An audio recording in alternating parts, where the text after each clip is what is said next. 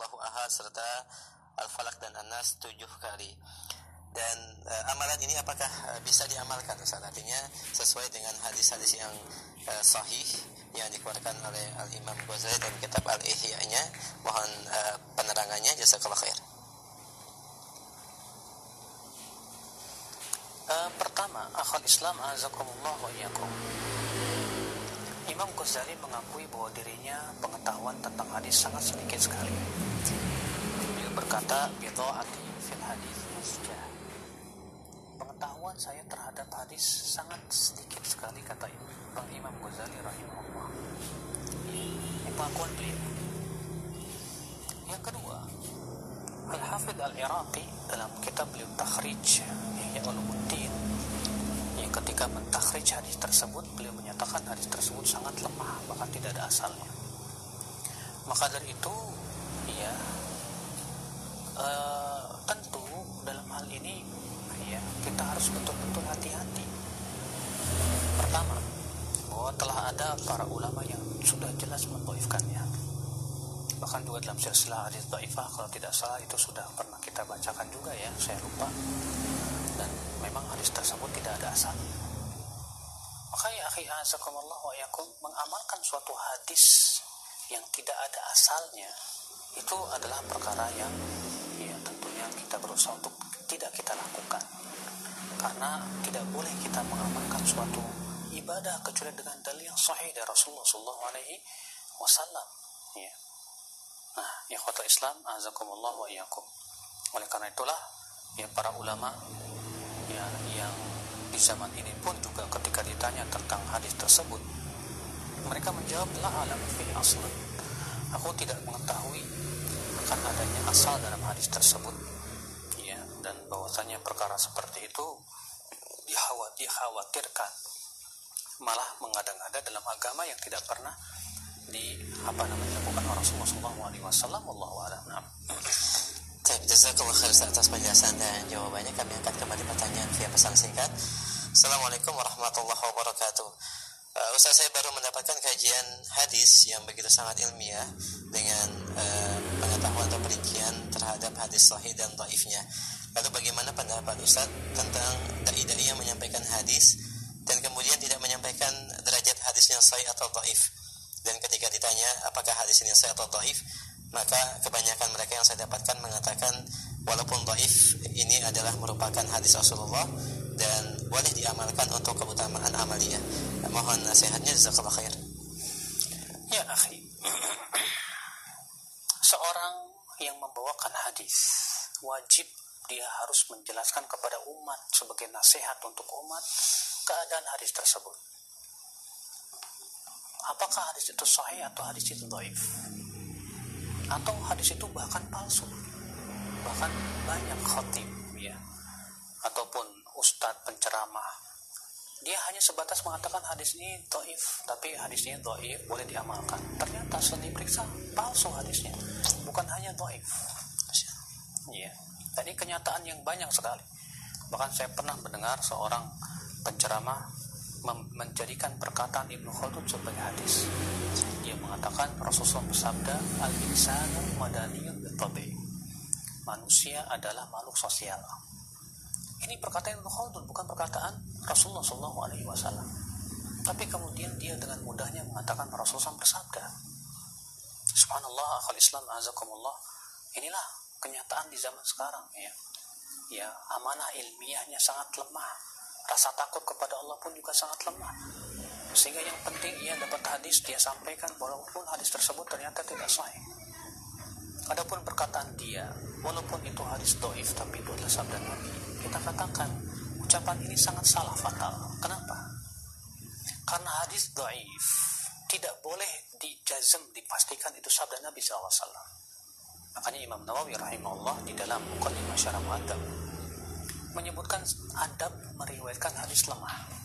Beliau berkata, di antara adab meriwayatkan hadis lemah adalah dengan menggunakan kata kerja pasif yaitu mengatakan ruwiya telah diriwayatkan dari Rasulullah SAW Faman jazima siapa yang memastikannya dengan lafad yang per, apa kata kerja yang pasti dengan mengatakan Rasulullah bersabda faqad dakhala fi ma'na al-kadhib. Kata beliau yang ia masuk dalam berdusta atas nama Rasulullah SAW ini dikatakan Imam Nawawi rahimahullah.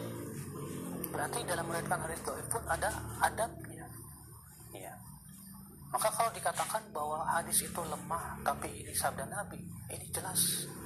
Ini bertabrakan dengan kesepakatan para ulama bahwa hadis lemah itu tidak boleh dipastikan bahwa itu sabda Rasul SAW bahkan dalam cara membawakannya pun juga ada adabnya ya. Ya. yang ketiga perkataan dia bahwa para ulama membolehkan mengamalkan hadis lemah dalam fadilah amal.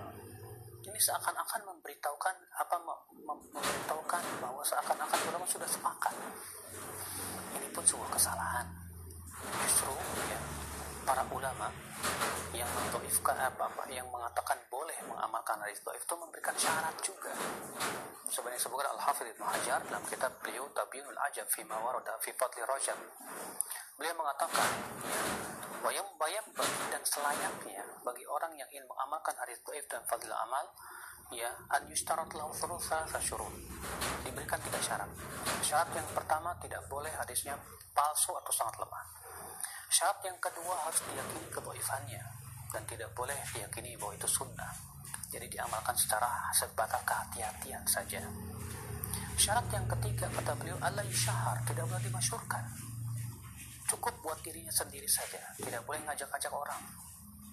Tapi ternyata tiga syarat ini tidak di, tidak di, tidak dipenuhi akhul Islam azakumullah Sementara Imam Bukhari dan Muslim berpendapat bahwa ya, hadis lemah tetap tidak boleh diamalkan.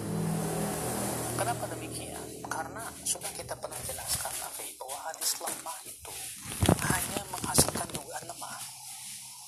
Antum tahu hadis yang disebut dengan hadis yang lemah ringan itu kapan? Itu apabila di dalam syaratnya ada seorang perawi yang disebutkan soduk sayul hifat, buruk hafalannya. Tahukah antum apa yang dimaksud dengan buruk hafalan?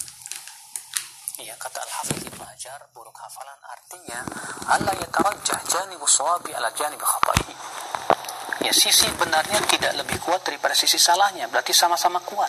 Berarti ini menghasilkan keraguan. Berarti hadis yang lemah, yang ringan saja lemahnya, itu menghasilkan kering, keraguan.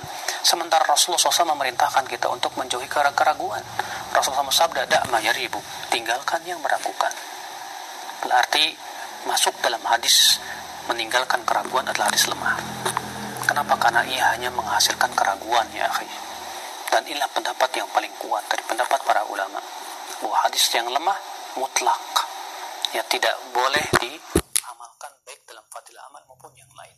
Bahkan Al-Hafidh Ibnu Hajar dalam kitab Tabiunul Ajab setelah menyebutkan tiga syarat tersebut lalu beliau membuat, mem, mem, memberikan sebuah perkataan yang beliau tampaknya meragukan. Pendapat yang mengatakan boleh diterima dengan dalam fadilah amal. Beliau berkata wala farqa. Sebetulnya tidak ada bedanya antara fadilah amal dan yang lainnya. Ikul syar'un. Karena semua itu sebetulnya pensyariatan. Dari perkataan beliau ini beliau tampak condong kepada pendapat Bukhari dan Muslim yang menyatakan bahwa tidak diterima sama sekali. Kenapa? Karena sebenarnya tidak ada bedanya dalam fadilah amal atau hukum atau yang lainnya. Ya. Sebab kalau dikatakan fadilah amal, toib, bukankah itu juga pensyariatan?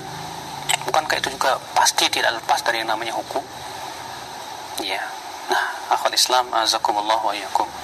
Di sinilah tentu kita harus melihat ya alasan setiap pendapat dan ternyata kita lihat pendapat yang menyatakan bahwa hadis lemah tidak boleh dijadikan hujah sama sekali itu sangat kuat sekali.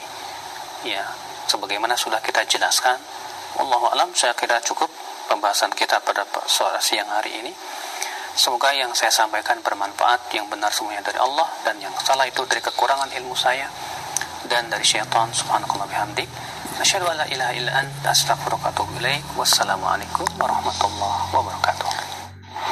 Roja Lesmana 100.1 FM Lestarikan iman Anda